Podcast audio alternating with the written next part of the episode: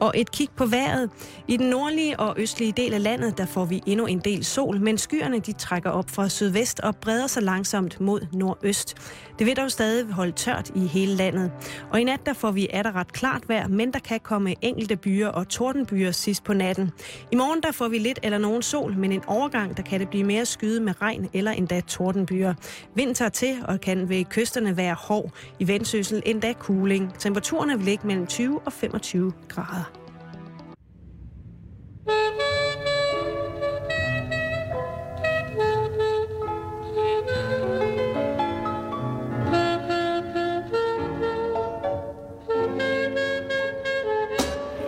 tror, det er sådan for, øh, for nogle mennesker, at øh, de er usikre på deres egen seksualitet et eller andet sted. De er bange for, at de selv skal have en rem af huden.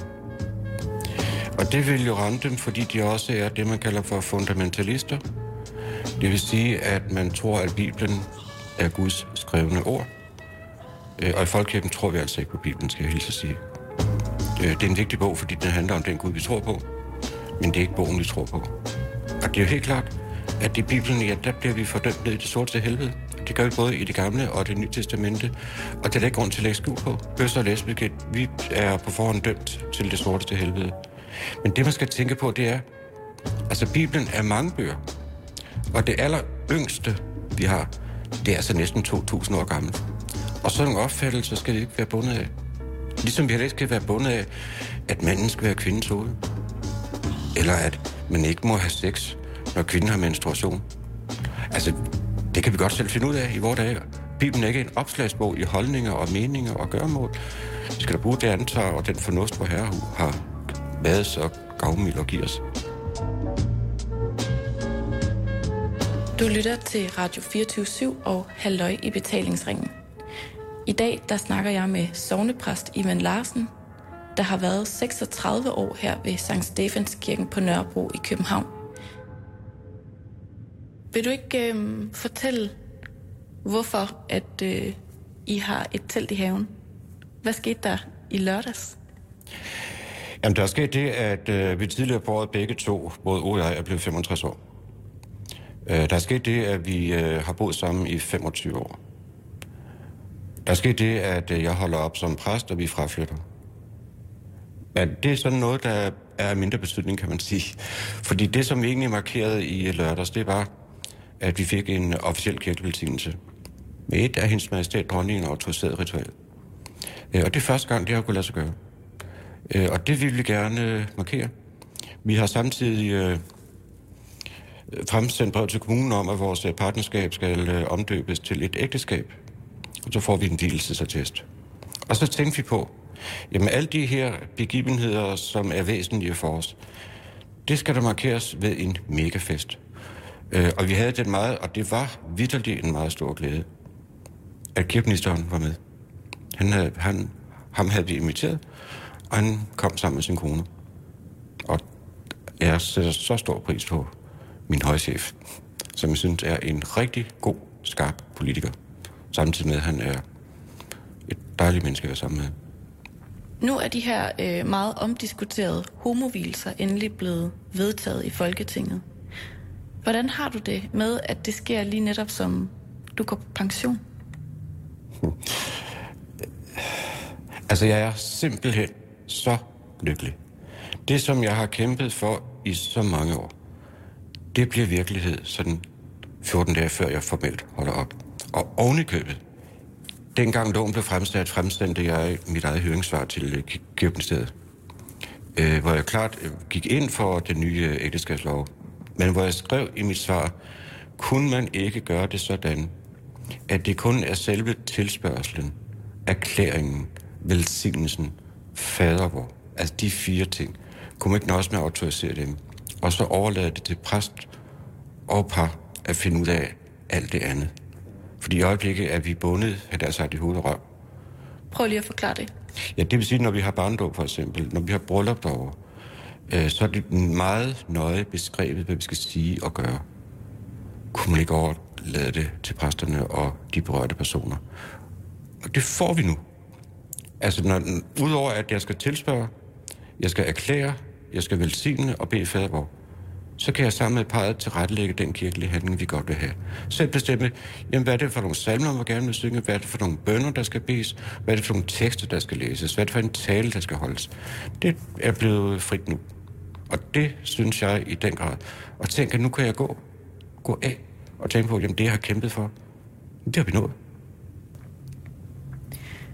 Hvis vi skal snakke lidt om hele den her debat, der har været i medierne omkring de her homovilser, øh, hvordan synes du så, øh, det har været at følge med i den? Den debat, der har været i medierne, er præget af, at vi herhjemme har en lille bitte konservativ højrefløj i kirken. 5 procent måske. Når der sker sådan noget, som der er sket nu, så råber de alle sammen, og de råber alle sammen højt. Og de bliver meget tydelige i debatten. Og der er mange, der får den opfattelse, at det er jo nok sådan, folkekirken agerer. Det er nok sådan, folkekirken tænker. Det er sådan, folkekirken mener. Men det er et meget lille flertal, fordi alle undersøgelser viser, at der er meget stor tilslutning til det i befolkningen. Og når der er den store tilslutning, og den har i alle årene ligget mellem to tredjedel og tre fjerdedel. Når der er den store tilslutning i befolkningen, så er der også en lige så stor tilslutning i kirken. Og langt de fleste præster vil gerne være med til homovilser. Der er et udbredt flertal, der går ind for det, og som min kollega sagde i lørdags, der er også 80 procent af biskopperne, der faktisk øh, går ind for det. Øh, og det er så hammerne irriterende, synes jeg nogle gange, at øh, højrefløjen i den grad får lov til at øh, sætte sig på dagsordenen ligesom give befolkningen det indtryk, at det her er det folkekirken, der taler. For de er gode til det med sprog. De er gode til at sige, at man folkekirken mener sådan og sådan, og så tænker mange, nå jamen, det er nok rigtigt. Og derfor er det sikkert også nogen, der melder sig ud, fordi den, reaktion, den reaktion, den konservative holdning, der bliver givet til udtryk, det er der mange, der ikke vil finde sig i. Øh, og så melder de sig ud, ud af folkekirken. Jeg ved også godt, at der er en del af højrefløjen, der melder sig ud. Men som øh, en sagde forleden, jamen det er da en ren win-win-situation, hvis, hvis de melder sig ud. Fordi for det første, så er vi fri for dem i folkekirken. Og for det andet, så kan de danne deres frimenigheder. Og der kan de dyrke deres opfattelser. Øh, så begge parter vinder ved, at de forlader folkekirken. Og jeg har altid tænkt, jamen så går dog. Vi er på tålt ophold i folkekirken. Eller er det bare fordi tilfældigvis har der sådan nogle flotte kirke, kirkebygninger og får en god præstehyre? Er det bare derfor, jeg bliver der, når det kommer til stykket? Er det svarer lidt til dengang, vi fik de kvindelige præster. Jeg tror, der var 534 præster herhjemme, øh, der satte deres stilling på, på spil, hvis vi fik kvindelige præster. Der var ikke en af dem, der tog deres høje og gik. Der er sikkert nogle præster i øjeblikket, der overvejer deres fremtid i folkekirken. Men, øh, og det, jeg er egentlig ikke særlig begejstret for at høre, at de går. Fordi jeg er tilhænger af en meget rummelig folkekirke, øh, hvor der er plads til mange forskellige opfattelser. Og jeg har ikke noget imod, at, øh, at de bliver. Hvis bare sådan nogen som mig også får lov til at blive. Og så kan vi jo slås øh, øh, på lige fod. Og det ser jeg faktisk gerne her i Grundtvigs fædreland. Hvorfor tror du, at de her præster har det så svært med de her homovilser? Jeg tror, det er sådan for, øh, for nogle mennesker, også for, for dem, du omtaler, at øh, de er usikre på deres egen seksualitet et eller andet sted. De er bange for, at de selv skal have en rem af. Og det vil jo ramme dem, fordi de også er det, man kalder for fundamentalister. Det vil sige, at man tror, at Bibelen er Guds skrevne ord. Øh, og i Folkekirken tror vi altså ikke på Bibelen, skal jeg hilse at sige. Øh, det er en vigtig bog, fordi den handler om den Gud, vi tror på. Men det er ikke bogen, vi tror på. Og det er jo helt klart, at i Bibelen, ja, der bliver vi fordømt ned i det sorte helvede. Og det gør vi både i det gamle og det nye testamente. Og det er der ikke grund til at lægge skjul på. Altså bøsser og lesbiske? At bøsser og lesbiske, vi er på forhånd dømt til det sorteste helvede. Men det, man skal tænke på, det er, altså Bibelen er mange bøger. Og det aller yngste, vi har, det er altså næsten 2.000 år gammelt. Og sådan nogle opfattelser skal vi ikke være bundet af. Ligesom vi heller ikke skal være bundet af, at manden skal være kvindens hoved. Eller at man ikke må have sex, når kvinden har menstruation. Altså, det kan vi godt selv finde ud af i vores dage. Bibelen er ikke en opslagsbog i holdninger og meninger og gørmål. Vi skal da bruge det ansvar og den fornuft, hvor Herre har været så gavmild og giver os. Så vi skal da ikke tage, tage alvorligt, hvad der står om bøsser og lesbiske i kirken. Og det øvrigt vil jeg sige, at øh, det er meget besværligt at finde ud af, hvad det egentlig er, der står. Jeg har undersøgt i gang ud for nogle artikler, øh, og det er meget besværligt præcist at finde ud af, hvad det er, der, der står i Bibelen. Men grundlæggende skal vi altså ikke rette os efter, hvad der står i den bog. Vi skal bruge os for sund fornuft. Men hvis vi ikke skal rette os efter, hvad der står i Bibelen, altså hvordan skal man så ligesom gå til den? Jamen, der plejer man at sige inden for den lutherske øh, bibelske forståelse, at jamen, der er en, en kerne, og den handler om Kristus, og den handler om, at du skal elske Herren din Gud, og du skal elske din næste som dig selv. Og så må vi se alt andet i lyset derudfra. Det er det, Jesus også selv gør, når han gør et eller andet, hvor folk kommer og siger til ham, det må du ikke. Så siger han, jamen der er et menneske, der er nød. Så er det nødt til at hjælpe. Øh, og det er præcis på samme måde, øh, vi andre også skal forholde os til det. Altså ikke ud fra nogen doktrinær opfattelse af, hvordan tingene er, men ud fra, jamen, hvad der er behov for i den enkelte situation. Og så må man engang finde ud af, hov, der tog jeg fejl, eller der dummede jeg mig, eller der gjorde jeg ikke noget. Øh, men det er en del af det at være menneske.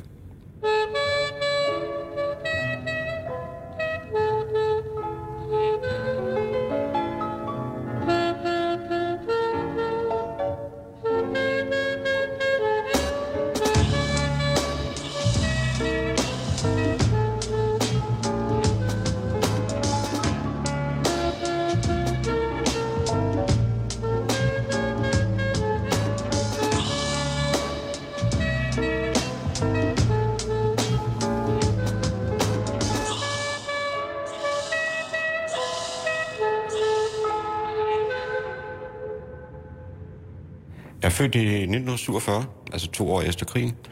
Og jeg plejer at sige, at jeg er født så langt ude på landet, at selv kraverne ikke gider flyve derud for at vinde. Jeg er født på det, der hedder Lammefjorden, altså i Nordvestjylland, og er vokset op sammen med 11 søskende. Ah, 10, en af dem døde meget tidligt. Men øh, min mor fik 12 børn. Jeg kan sige, at da hun holdt op med at få børn, året efter startede min ældste søster. Hun fik også 12 børn. Jeg er ud af en rigtig stor familie, vi mødes en gang imellem, sådan med et to års mellemrum, og så leger vi en spejllejr. Fordi der er, der er ingen os, der har plads til så mange. Og det er rigtig sjovt at være sammen. Men det betyder også, synes jeg, at jeg nogle gange som barn tænkte, åh, hvor er vi mange. Kan jeg ikke snart få mit eget? Jeg var et meget stille barn. Jeg kan huske ved en bestemt lejlighed, hvor mine forældre skulle væk. Øh, og dengang var vi vel 5-6 øh, hjemmeboende børn. Og så siger min mor til mine søskende, I skal lade Ivan være, fordi han kan godt passe sig selv. Og jeg kan huske en anden lejlighed, hvor min øh, lille søster siger til min mor, sig til Ivan, han skal sige noget. Altså, jeg var en, der godt kunne passe mig selv, og jeg havde ikke så mange ord, jeg skulle med. Jeg vidste fra dengang, jeg var 10 år, at jeg gerne ville være præst. Vi har ingen særlige kirkelige traditioner i min familie. Øh, jeg er nummer 10 ud af de 12 børn, min mor fødte. Og alle mine ældre søskende, efter syv års skolegang, så vil du til en bønder. Og det lå egentlig også i kortene, at det skulle jeg også være. Øh, men jeg vidste godt, at jeg ville være præst. Og det vidste jeg fra dengang, jeg var 10 år. Og det var ikke noget med, at vi gik i kirke. Vi nåede ikke engang i kirke juleaften. Fordi der øh, havde min mor travlt med at lave mad. Øh, og vi havde ikke bil, og kirken lå langt væk. Så det kom vi ikke. Jeg gik i kirke sådan en sjældent gang imellem og befandt mig godt i kirkerummet. Altså, jeg ved ikke, hvorfor jeg gerne vil være præst. Øh, men jeg ved godt, hvorfor jeg er blevet ved med at være præst. Og det er, fordi jeg synes, det er verdens mest spændende job.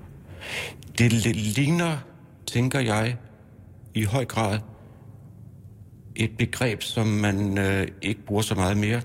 Men det er noget med at være polyhister. Det vil sige, at man kan beskæftige sig med rigtig mange forskellige ting. Og uanset næsten, hvad man beskæftiger sig med, øh, så har det relevans for det at være præst. Det er det, der gør, at jeg synes, at øh, jobbet er så spændende, og hvor jeg har været så glad for at være præst alle de her år.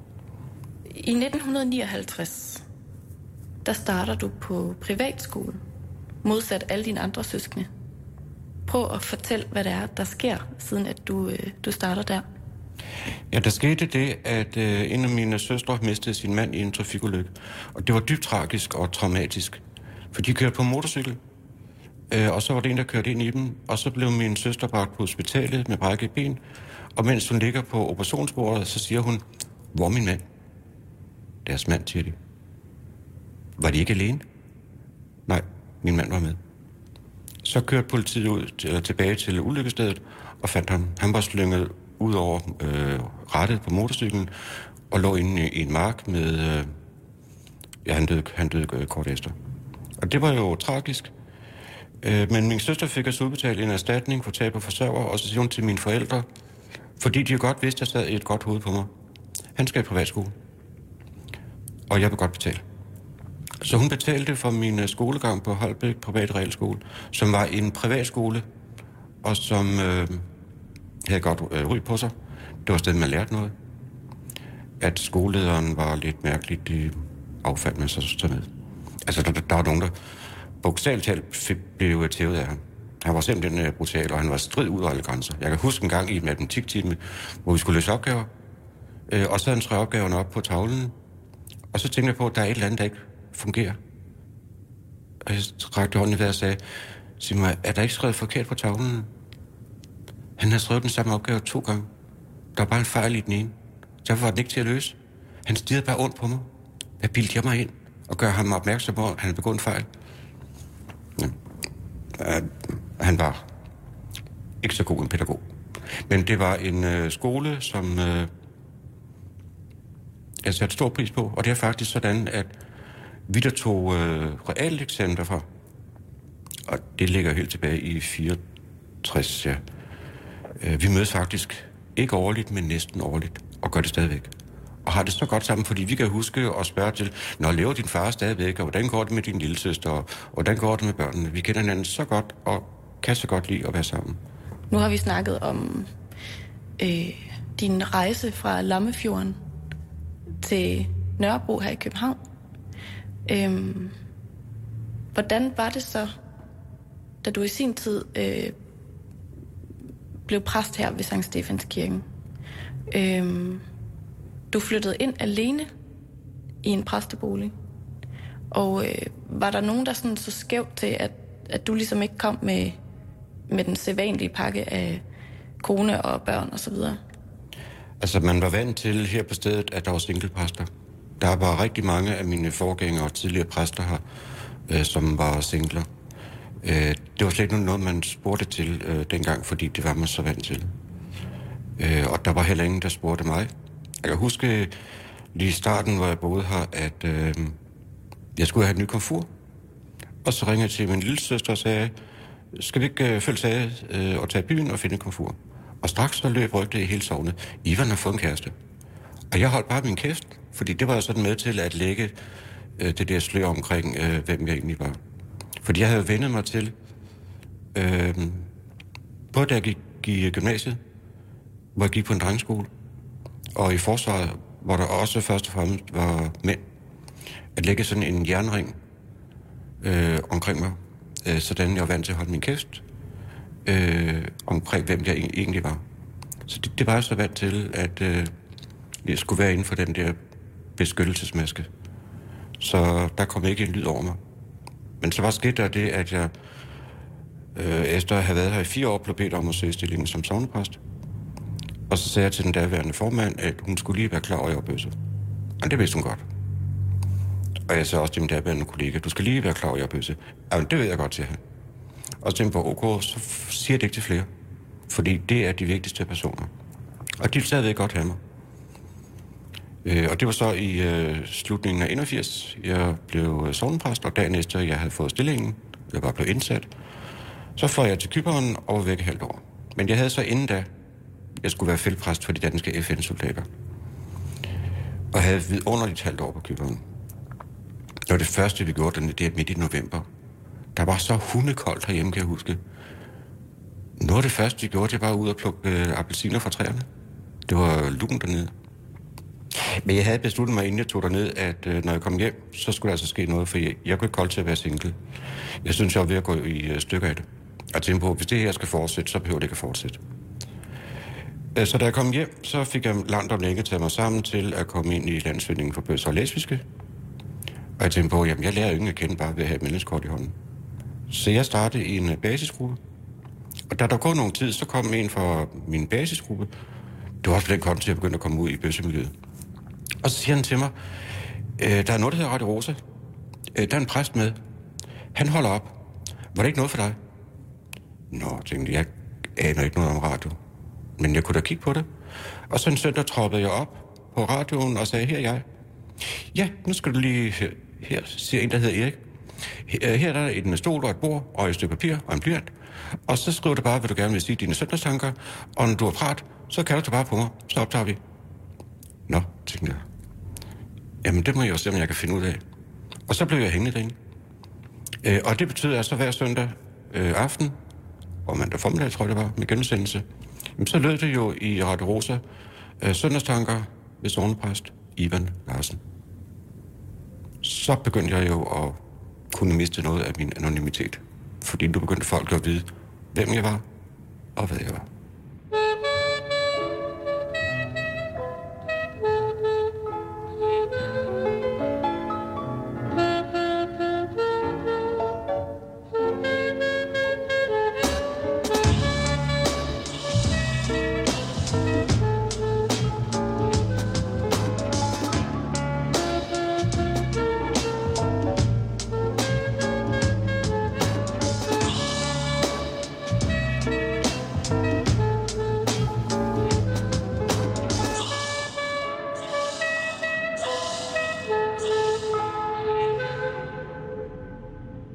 Hvordan reagerer øh, dit arbejde, altså menighedsrådet og de ansatte ved kirken, på at du lige så stille åbner op for, hvem du i virkeligheden er? Altså i starten, også selvom jeg havde kærester, og selvom jeg også, da Ove var flyttet ind her, ham som jeg var gift med, øh, der var der ingen, der sagde noget, fordi det er sådan, at når man ikke bruger ord, så eksisterer ordenes virkelighed ikke. Når jeg ikke siger, at jeg er bøsse, jamen så er jeg ikke bøsse. Det kan godt være, at de tænker, at han er nok bøsse. Øh, men det er ikke noget, man behøver at forholde sig til. Øh, først i det øjeblik, jeg selv begynder at sige, at jeg er bøsse, så skal andre til at forholde sig til det. Og det var sådan, jeg mødte Ove i øh, 86 på Cozy, en meget sen nattetime. Øh, Cozy er en rigtig gammel øh, bøssebar, og det er et sted, man kommer, og der mødte Ove, var jeg der for første gang. Øh, man skal først komme efter midnat. Altså, jeg, jeg ved ikke, hvorfor bøsselivet altid skal ligge i, så, i de sene nattimer. Nu skal også derfor ikke kommer der mere, for jeg synes, jeg bliver for gammel til det. Jeg gider ikke så op til klokken 12 et stykker. Men det er et sted, man kommer sådan øh, i de øh, sene nattetimer, og det er, hvis ikke man har haft øh, chancen andre steder i løbet af aftenen for at score, så kan man altid prøve på kose. Ja, det kunne man i hvert fald dengang. Og jeg var lidt nysgerrig. Så jeg, jeg skal lige ind og se, for at opleve, hvordan det er. Og vi har ikke været der ret længe, før så siger den kammerat, jeg var sammen med den. Øh, der kommer Ove. Øh, han er gift og har to børn. Og jeg tænkte, nej, så er det ikke noget for mig. Jeg gad ikke det der med at øh, være sammen med en fyr, der var bundet andet sted. Men vi fulgte hjem. Og jeg kan huske, at på et andet tidspunkt, så siger Ove, jeg skal lige ringe hjem til min kone og sige, hvor jeg er. Nå, tænker jeg, okay. Vi, øh, det, og det, det gjorde han så. Og han blev så skilt øh, det første år, hvor vi boede sammen, eller hvor, hvor vi kendte hinanden. Hvornår flytter Ove så rent faktisk ind her i, i præstegården? Den 21. februar 87, der flyttede Ove ind her. Og så var det sådan, at få dage forinden var jeg lige blevet 40. Og måneden efter blev Ove 40. Otte dage efter, at Ove var flyttet ind her, så var vi 120 mennesker til middag. Vi, vi kunne spise midt over i Mindehedshuset øh, øh, festsal, øh, mens for det her festen foregik. Og du forestille dig, at vi skulle begge to arbejde. Altså Ove kom hjem der sidst på eftermiddagen, og vi skulle alle tingene på plads og billeder på væggen og indrette os, fordi der skulle komme 120 middag, middagsgæster. Men nu kunne du jo ikke, altså af gode grunde, undgå at fortælle folk, at du rent faktisk var bøsse. Så nu det her med at, hvad skal man sige, tige det, øh, den gik jo ikke rigtig længere. Altså lige i starten var det lidt øh, mærkeligt, fordi jeg kan huske, jeg sagde til øh, den daværende formand for Mindesrådet, altså Ove flyttede ind hos mig.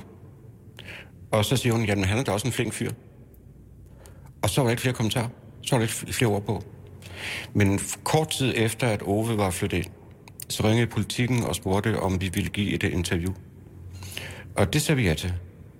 Og det kom på øh, PS, altså søndagsudgaven, med et af politikken og med en heltidsinterview. Og på spisesedler landet over, der stod der præster i bøsse, øh, bøsser i præsteboligen. Øh, og ugen efter, der gentog det sig, fordi der var det Aarhus Stiftstidende, der lavede tilsvarende stort interview med os. Øh, vi begyndte også at få ubehagelige breve på den konto. Øh, jeg nåede også på et tidspunkt at få min mortrussel, som man skal have, når man eksponerer sig selv. Øh, mærkelige telefonopringninger. Vi begyndte også at... Huske, vi var i fjernsynet til en udsendelse, der handlede om troværdighed. Og en af journalisterne sagde til os, når nu I kommer hjem, øh, hvis der kommer anonyme breve, lad være med at åbne dem. Hvis der er mærkelige telefonopringninger, læg råd på. Det var ikke så galt, som jeg havde frygtet. Men det betød jo, at øh, alle nu godt vidste, at vi var bøsser, og de var et par, og det var så besværligt for dem øh, i starten. Fordi nu skulle de pludselig til at forholde sig til det, og de skulle finde ud af, jamen, hvad mener jeg egentlig? Jeg er nødt til at forholde mig til, at sovnepræsten er bøsse. Fordi alle jo fik spørgsmål. Kommer du ikke i den kirke, hvor præsten er bøsse? Og jamen, er det ikke der, hvor præsten er bøsse og bor sammen med øh, sin kæreste? Og, det var, jeg tror, det var rigtig besværligt for rigtig mange mennesker. Ja, vi bliver så gift, øh, eller registreret som det hed, øh, den 1. oktober 1989. Det var en søndag, hvor borgmester Alberg åbnede rådhuset øh, for 11 bøssepar, der skulle registreres. Øh, det var helt klart, at øh, par nummer 1, det skulle være medstifteren af forbundet af 1948, Axel Arskild. Og jeg blev nummer to. Og, men stille og roligt så vendede man sig til her på stedet, at øh, det var ok.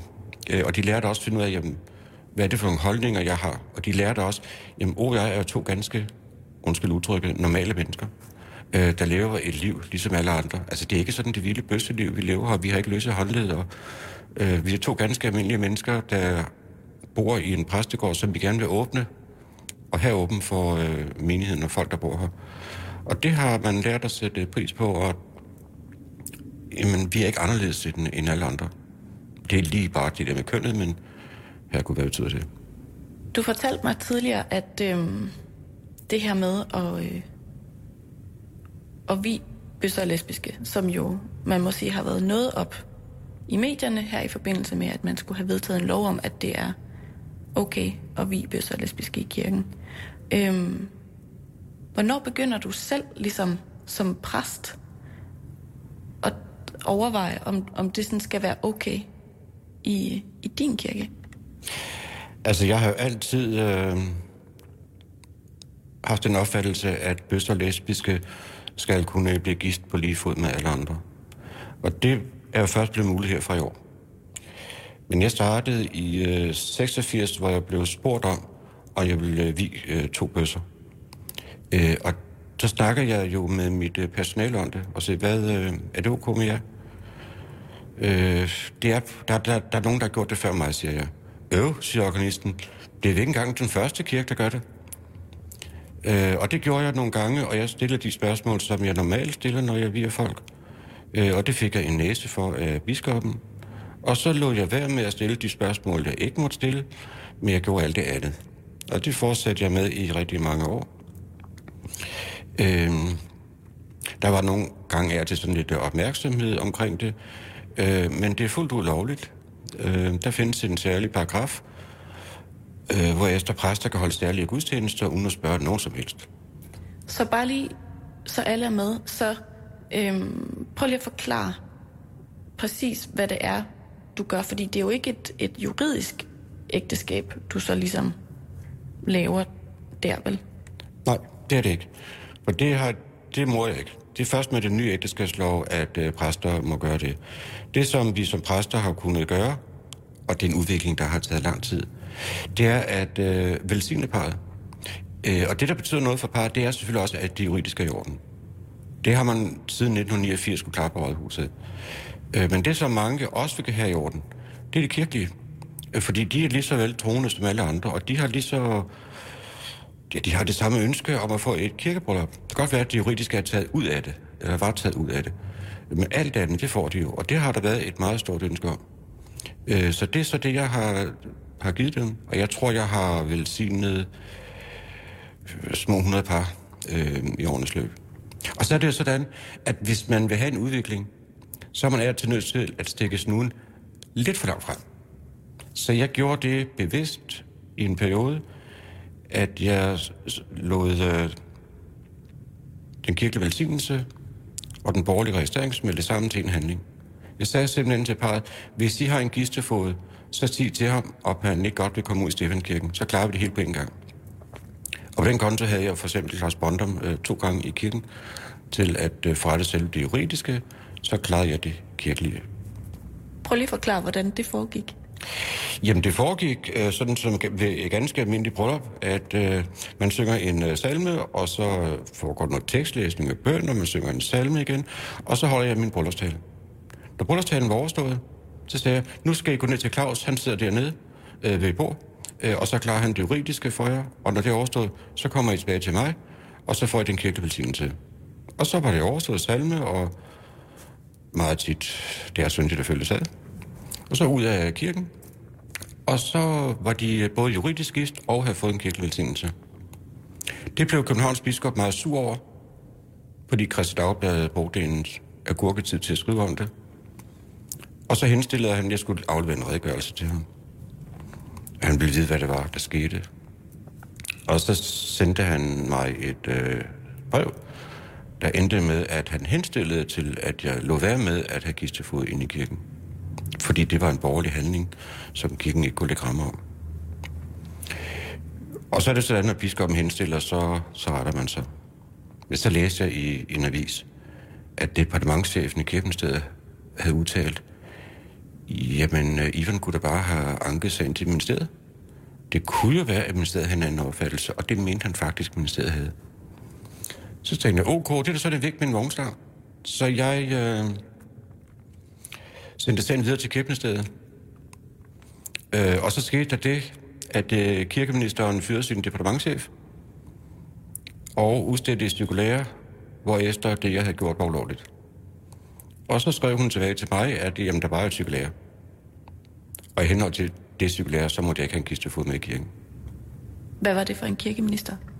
Det var kirkeminister Tobe Fergo, som var kirkeminister i Anders Foghs øh, første øh, VK-regering. Og så måtte jeg rette mig efter det. Jeg kunne godt have bragt det videre, men jeg tænkte på, ah, jeg havde da skabt et rør i anddommen. Øh, så øh, jeg lå være med at tage gistefod med i kirken. Jeg fortsatte med at have øh, kirkelige øh, velsignelser. Og jeg har altid øh, tilstræbt til de kirkelige velsignelser, at man er lesbiske, at øh, der skal ikke være den store forskel på det, og så på et almindeligt, normalt heterobryllup. Altså hvis ikke det lige, og fordi det var to personer af samme køn, så vil man ikke kunne høre forskel. Jeg har nogle gange tænkt på, fordi Stefanskirken har en lille plads øh, ud til Nørrebrogade, at når øh, brudeparen har forladt kirken, vil de blive udsat for øh, ubehageligheder.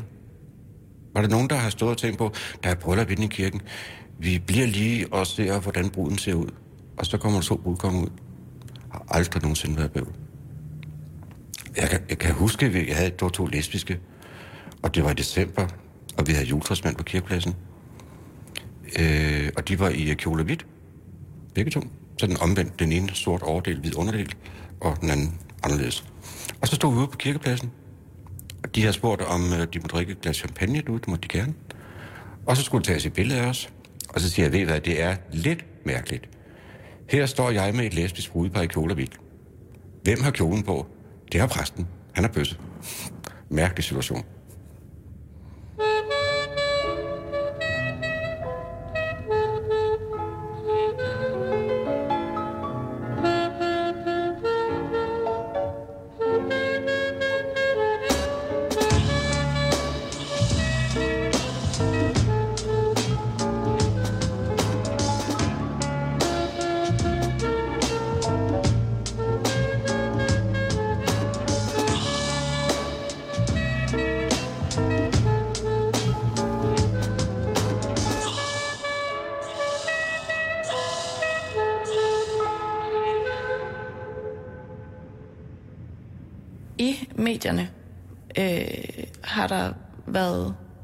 Rigtig, rigtig, rigtig meget fokus på alle de præster, der er imod homovilser. Og det har jo også, som du selv nævner, haft nogle konsekvenser, at der er mange, der har meldt sig ud af folkekirken, og der er meget snak om, at folkekirken bliver mere og mere presset. Øhm, hvor har alle de præster, som rent faktisk gerne vil vi homoseksuelle, hvor har de været i det her mediebillede? De fleste af dem har været meget tavse. Jeg snakkede med en øh, øh, nabokollega her for en tid siden og spurgte hende, øh, har I dit menighedsråd indgivet et øh, høringssvar? Nej, siger hun, det har vi da ikke.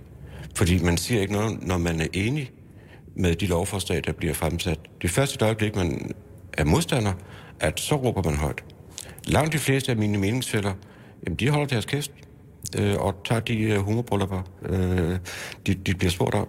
Det skal nok finde sted, der, men de fleste, som sagt, de siger ikke noget, fordi de er enige med lovforslaget. Jeg synes i gang med, at det, så er jeg nødt til at råbe det højt. Øh, så er jeg nødt til at, at blande mig og, og, og sige noget. Men det er jo altid det bedste, det er, hvis ens heterokolleger, hvis det er dem, der tager ind i forsvar og går i præsident for en. Og det virker altså meget bedre, fordi de altid kan tænke om mig, hvis jeg siger noget. Han melder bare sin egen kage. Der foregår ligesom en, en debat i Folketinget, og så er der ligesom den offentlige debat, som bliver fremstillet i medierne. Og selvom at der er mange af jer, af jer præster, der er for lovforslaget, kunne man måske undre sig over, at øhm, at de her præster, der er imod, har fået lov at fylde så meget, uden at de ligesom har hævet debatten over i, i det modsatte hjørne. Hvad, hvad er forklaringen på det, tror du? Altså, øh, for dem, der står der rigtig meget på spil, det kan jeg godt se. Men nogle gange tænker jeg altså også, at det er mediernes egen skyld. Øh, når jeg for eksempel skal øh, i en eller anden tv-debat om, om det her, så vælger man bevidst en, der er rabiat modsat mig. På trods af, at man jo godt ved, at når man stiller to meget store modsætninger over for hinanden, så kommer der ikke noget ud af det.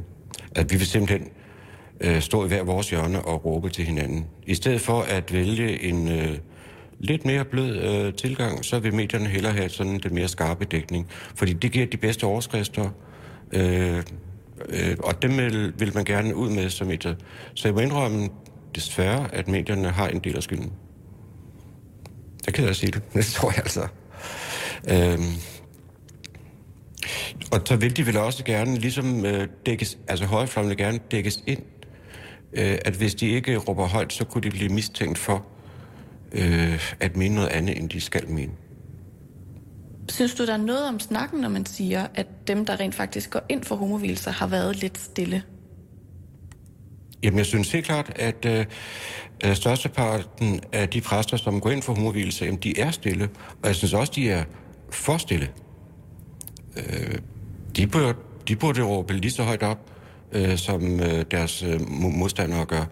Men det må jeg jo erkende, at øh, det gør de ikke, fordi, tror jeg også, der er så mange præster, der ikke er begejstret for medierne.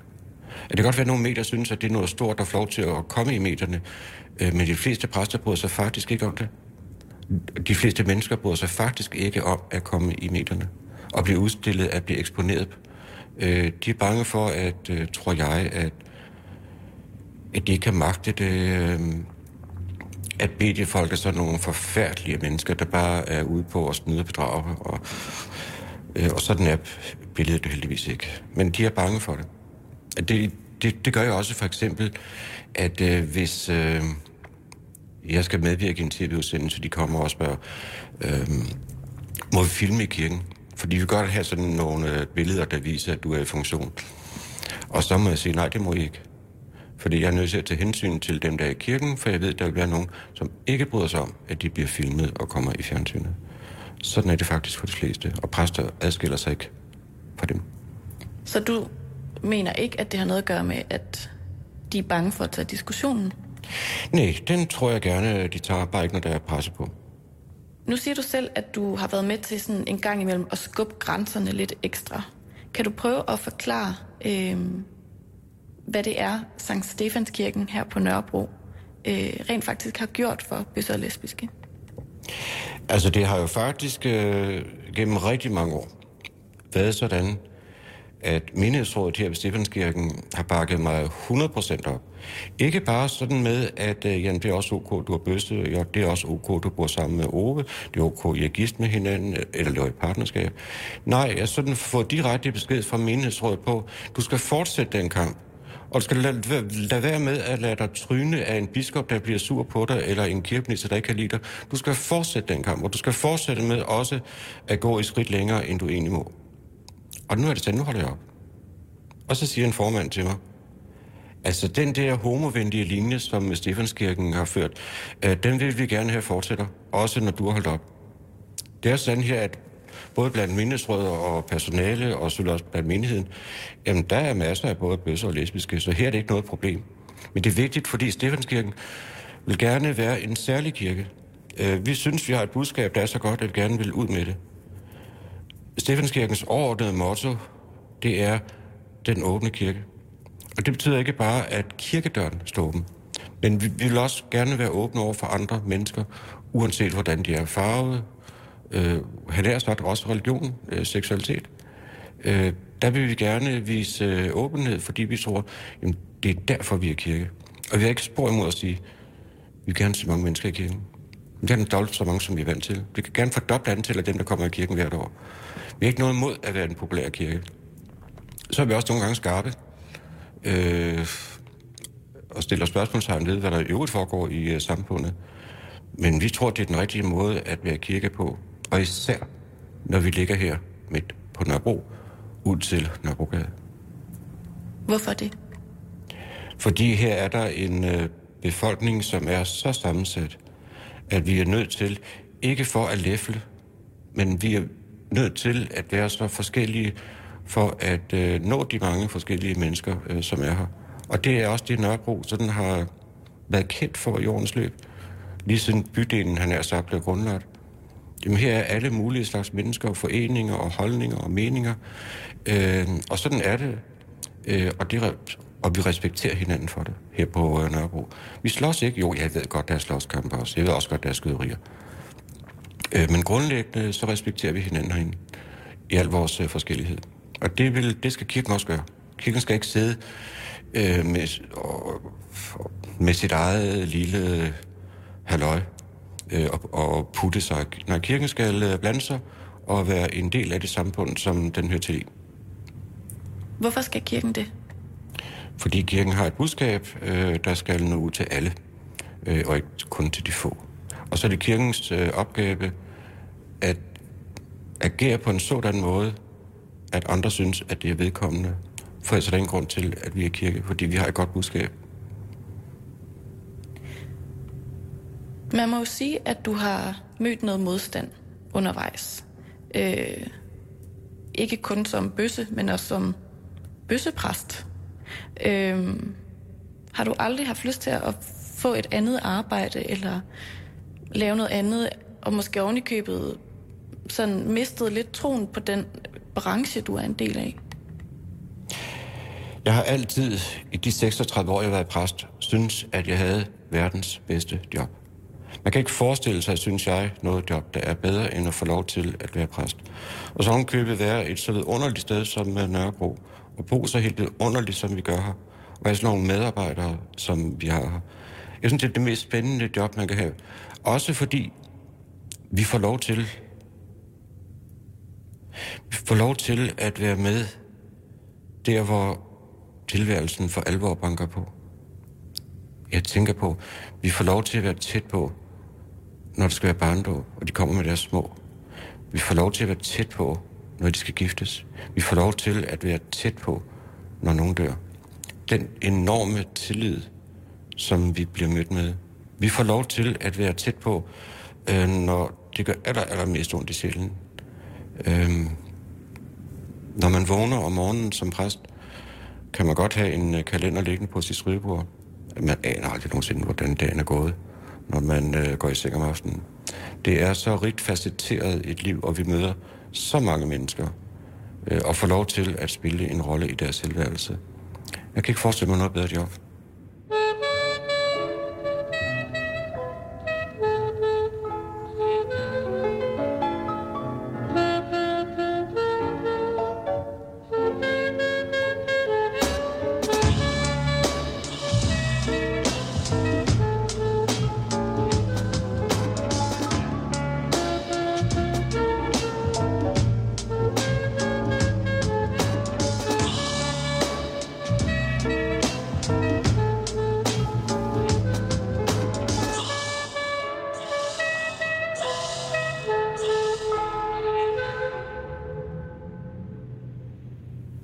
Du er jo lidt særlig. Tak. Vil jeg våge at påstå. At du og dine holdninger og alt det, du har gjort for Sankt Stefans Sogn, er det repræsentativt for, for resten af Danmark, tror du? Ja, jeg, jeg, jeg er helt sikker på, at de holdninger, jeg har, øh, i høj grad dækkes af langt den overvejende del af befolkningen.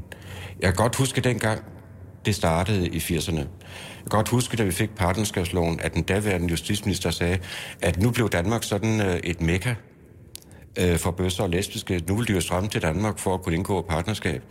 Øh, og det har vist sig overhovedet ikke at holde stik. Der er derimod en anden ting, der har vist sig at holde stik. Og det er, at engang var Danmark øh, det eneste land. Jamen, nu har de fleste europæiske lande en tilsvarende lovgivning. Øh, Danmark ovenkøbet blevet overhalet. Det vil sige, at vi har sat et eksempel til efterfølgelse. Og det er blevet efterfulgt. Øh, på et andet tidspunkt, øh, så bliver det sådan, at alle øh, lande i Europa, og det bliver spredt ud over Europas grænser, jamen de får en lovgivning, der passer til den danske lovgivning. Det vil sige, at Danmark kan være stolt af det her, og det tror jeg også, vi er.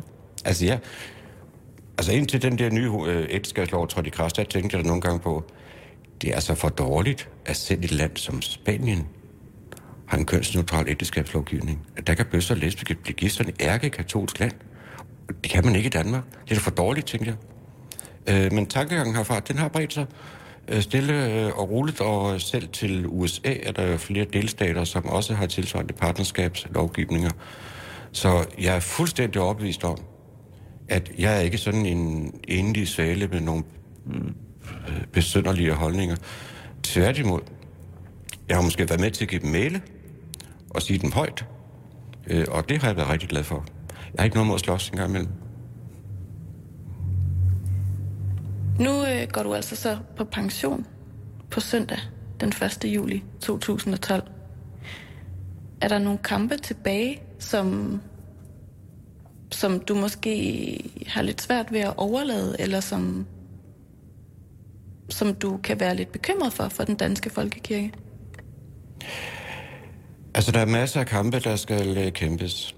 Øhm, hvis jeg tænker på øh, mit eget område, altså det med, at jeg er bøsse, og nu lever jeg ægteskab med Ove, øh, så vil jeg sige, at øh, den store kamp, som aldrig nogensinde hører op, tror jeg, det er, at vi skal gøre os synlige som bøsser og lesbiske. Øh, det handler om synlighed, og det handler om at informere, øh, sådan at det bliver noget helt selvfølgeligt, naturligt, nærmest kedeligt, øh, at der er mennesker, der holder af deres eget køn. Og den kamp, den, den er langstrakt, for den har mange fjender undervejs. Øh, fordi det kan godt være, at, at nogen synes, at det er ok med en øh, homolov. Men lad være med at vise det alt for meget offentligt. Og der er vi altså nødt til at sige, at vi vil have lov til at være der på samme præmisser som alle andre. Vi vil have lov til, uden at skulle gå og være bange, at vi også kan holde hinanden i hånden. At vi også kan give udtryk for, at vi holder hinanden. Hvad de fleste er ikke er så glade for. Jeg kan huske for mange år siden til en skolefest, hvor en af mine tidligere klassekammerater sagde til mig, at det havde der overrasket ham, at jeg også sprang ud som bøsse. Jeg skulle bare lade være med at lægge an på ham. Nu er det for en tankegang. Øh, for, for de fleste heteroseksuelle, der er det ok, at man sådan øh, flørter lidt øh, med det modsatte køn, og man kan da også godt nyde det sådan til et selskab, øh, selvom man har sin øh, ægtefælle med. Jamen, sidder man sammen med en eller anden øh, flot dame, jamen, øh, så er det da en del af oplevelsen, at man flørter lidt. Hvorfor kan verden da ikke få lov til det? Altså, en ting er, at jo meget jura nu er faldet på plads. Men alt det der med social omgang.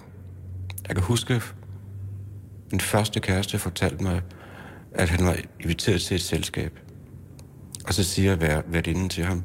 Og der kommer altså andre bøsser, så du, øh, du, du er ikke den eneste. Øh, og det er helt ok.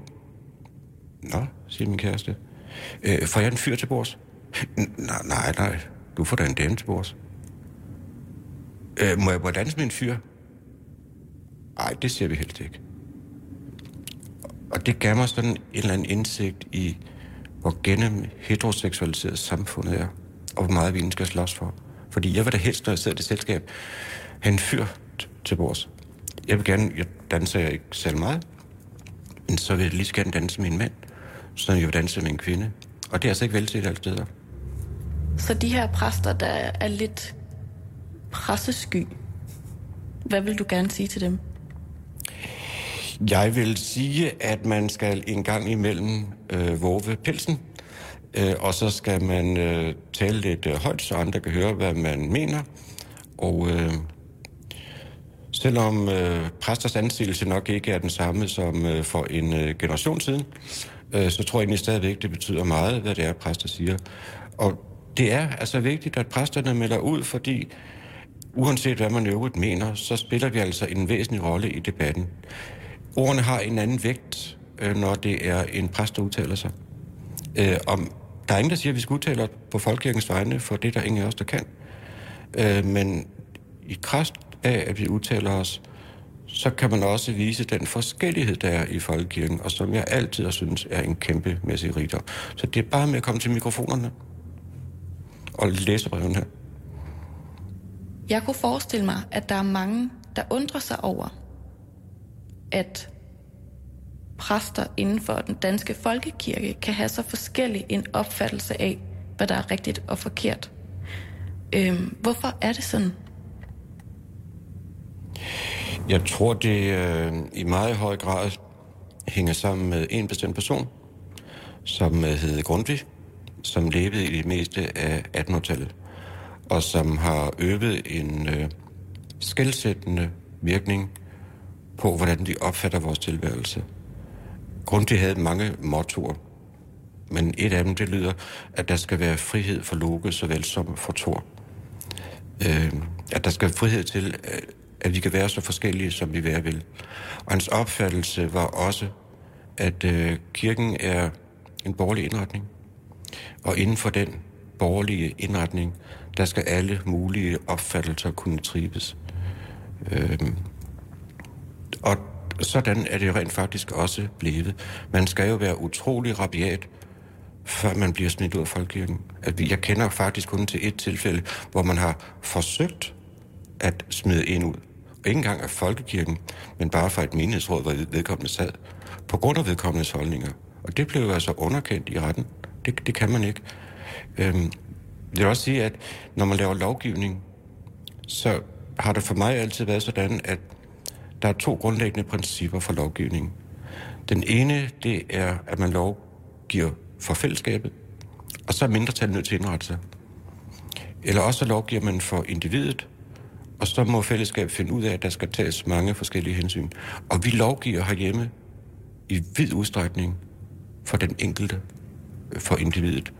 Så vi er vant til, at jamen, vi kan være forskellige, og vi vil have lov til at være forskellige, øh, og der er ingen, der skal komme og bestemme over os. Det har vi lært i løbet af de sidste 150 år. Og det gør vi altså. Sådan er det også i Folkekirken, øh, hvor vi har rigtig mange forskellige opfattelser. Den danske folkekirke er allerede nu under et voldsomt pres. Og det er den på mange forskellige områder. Og det er fordi øh, folkekirken øh, er en meget besværlig størrelse at have med at gøre, fordi vi har ikke nogen ledelse. Øh, det, det er en meget træ organisation. Øh, der var en, der sagde for en tid siden øh, om øh, Magnus øh, lovforslag, han har godt nok handlet hurtigt. Og så måtte svaret jo være, der er godt nok nogle forgængere, der har handlet langsomt. For de har siddet på deres flade i så mange år, og der er ikke sket en disse. Øh, fordi sådan har det været i Folkekirken. At øh, jamen, vi passer bare os selv, og vi gør, som vi altid har gjort. Vi er en gammel, agtværdig institution, og der behøver ikke at ske så meget nyt. Så Folkekirken er rigtig presset, og det er den rigtig godt af. Fordi nu skal den til at bevæge sig, og det kan ikke gå for stærkt.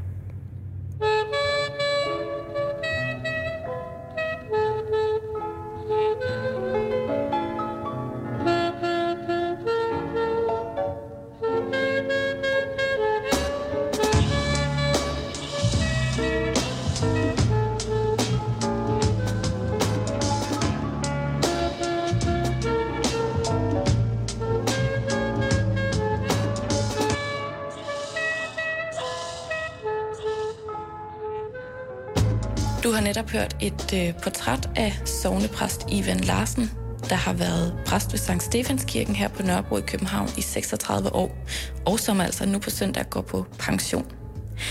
Nu er der nyhederne her på Radio 24 /7.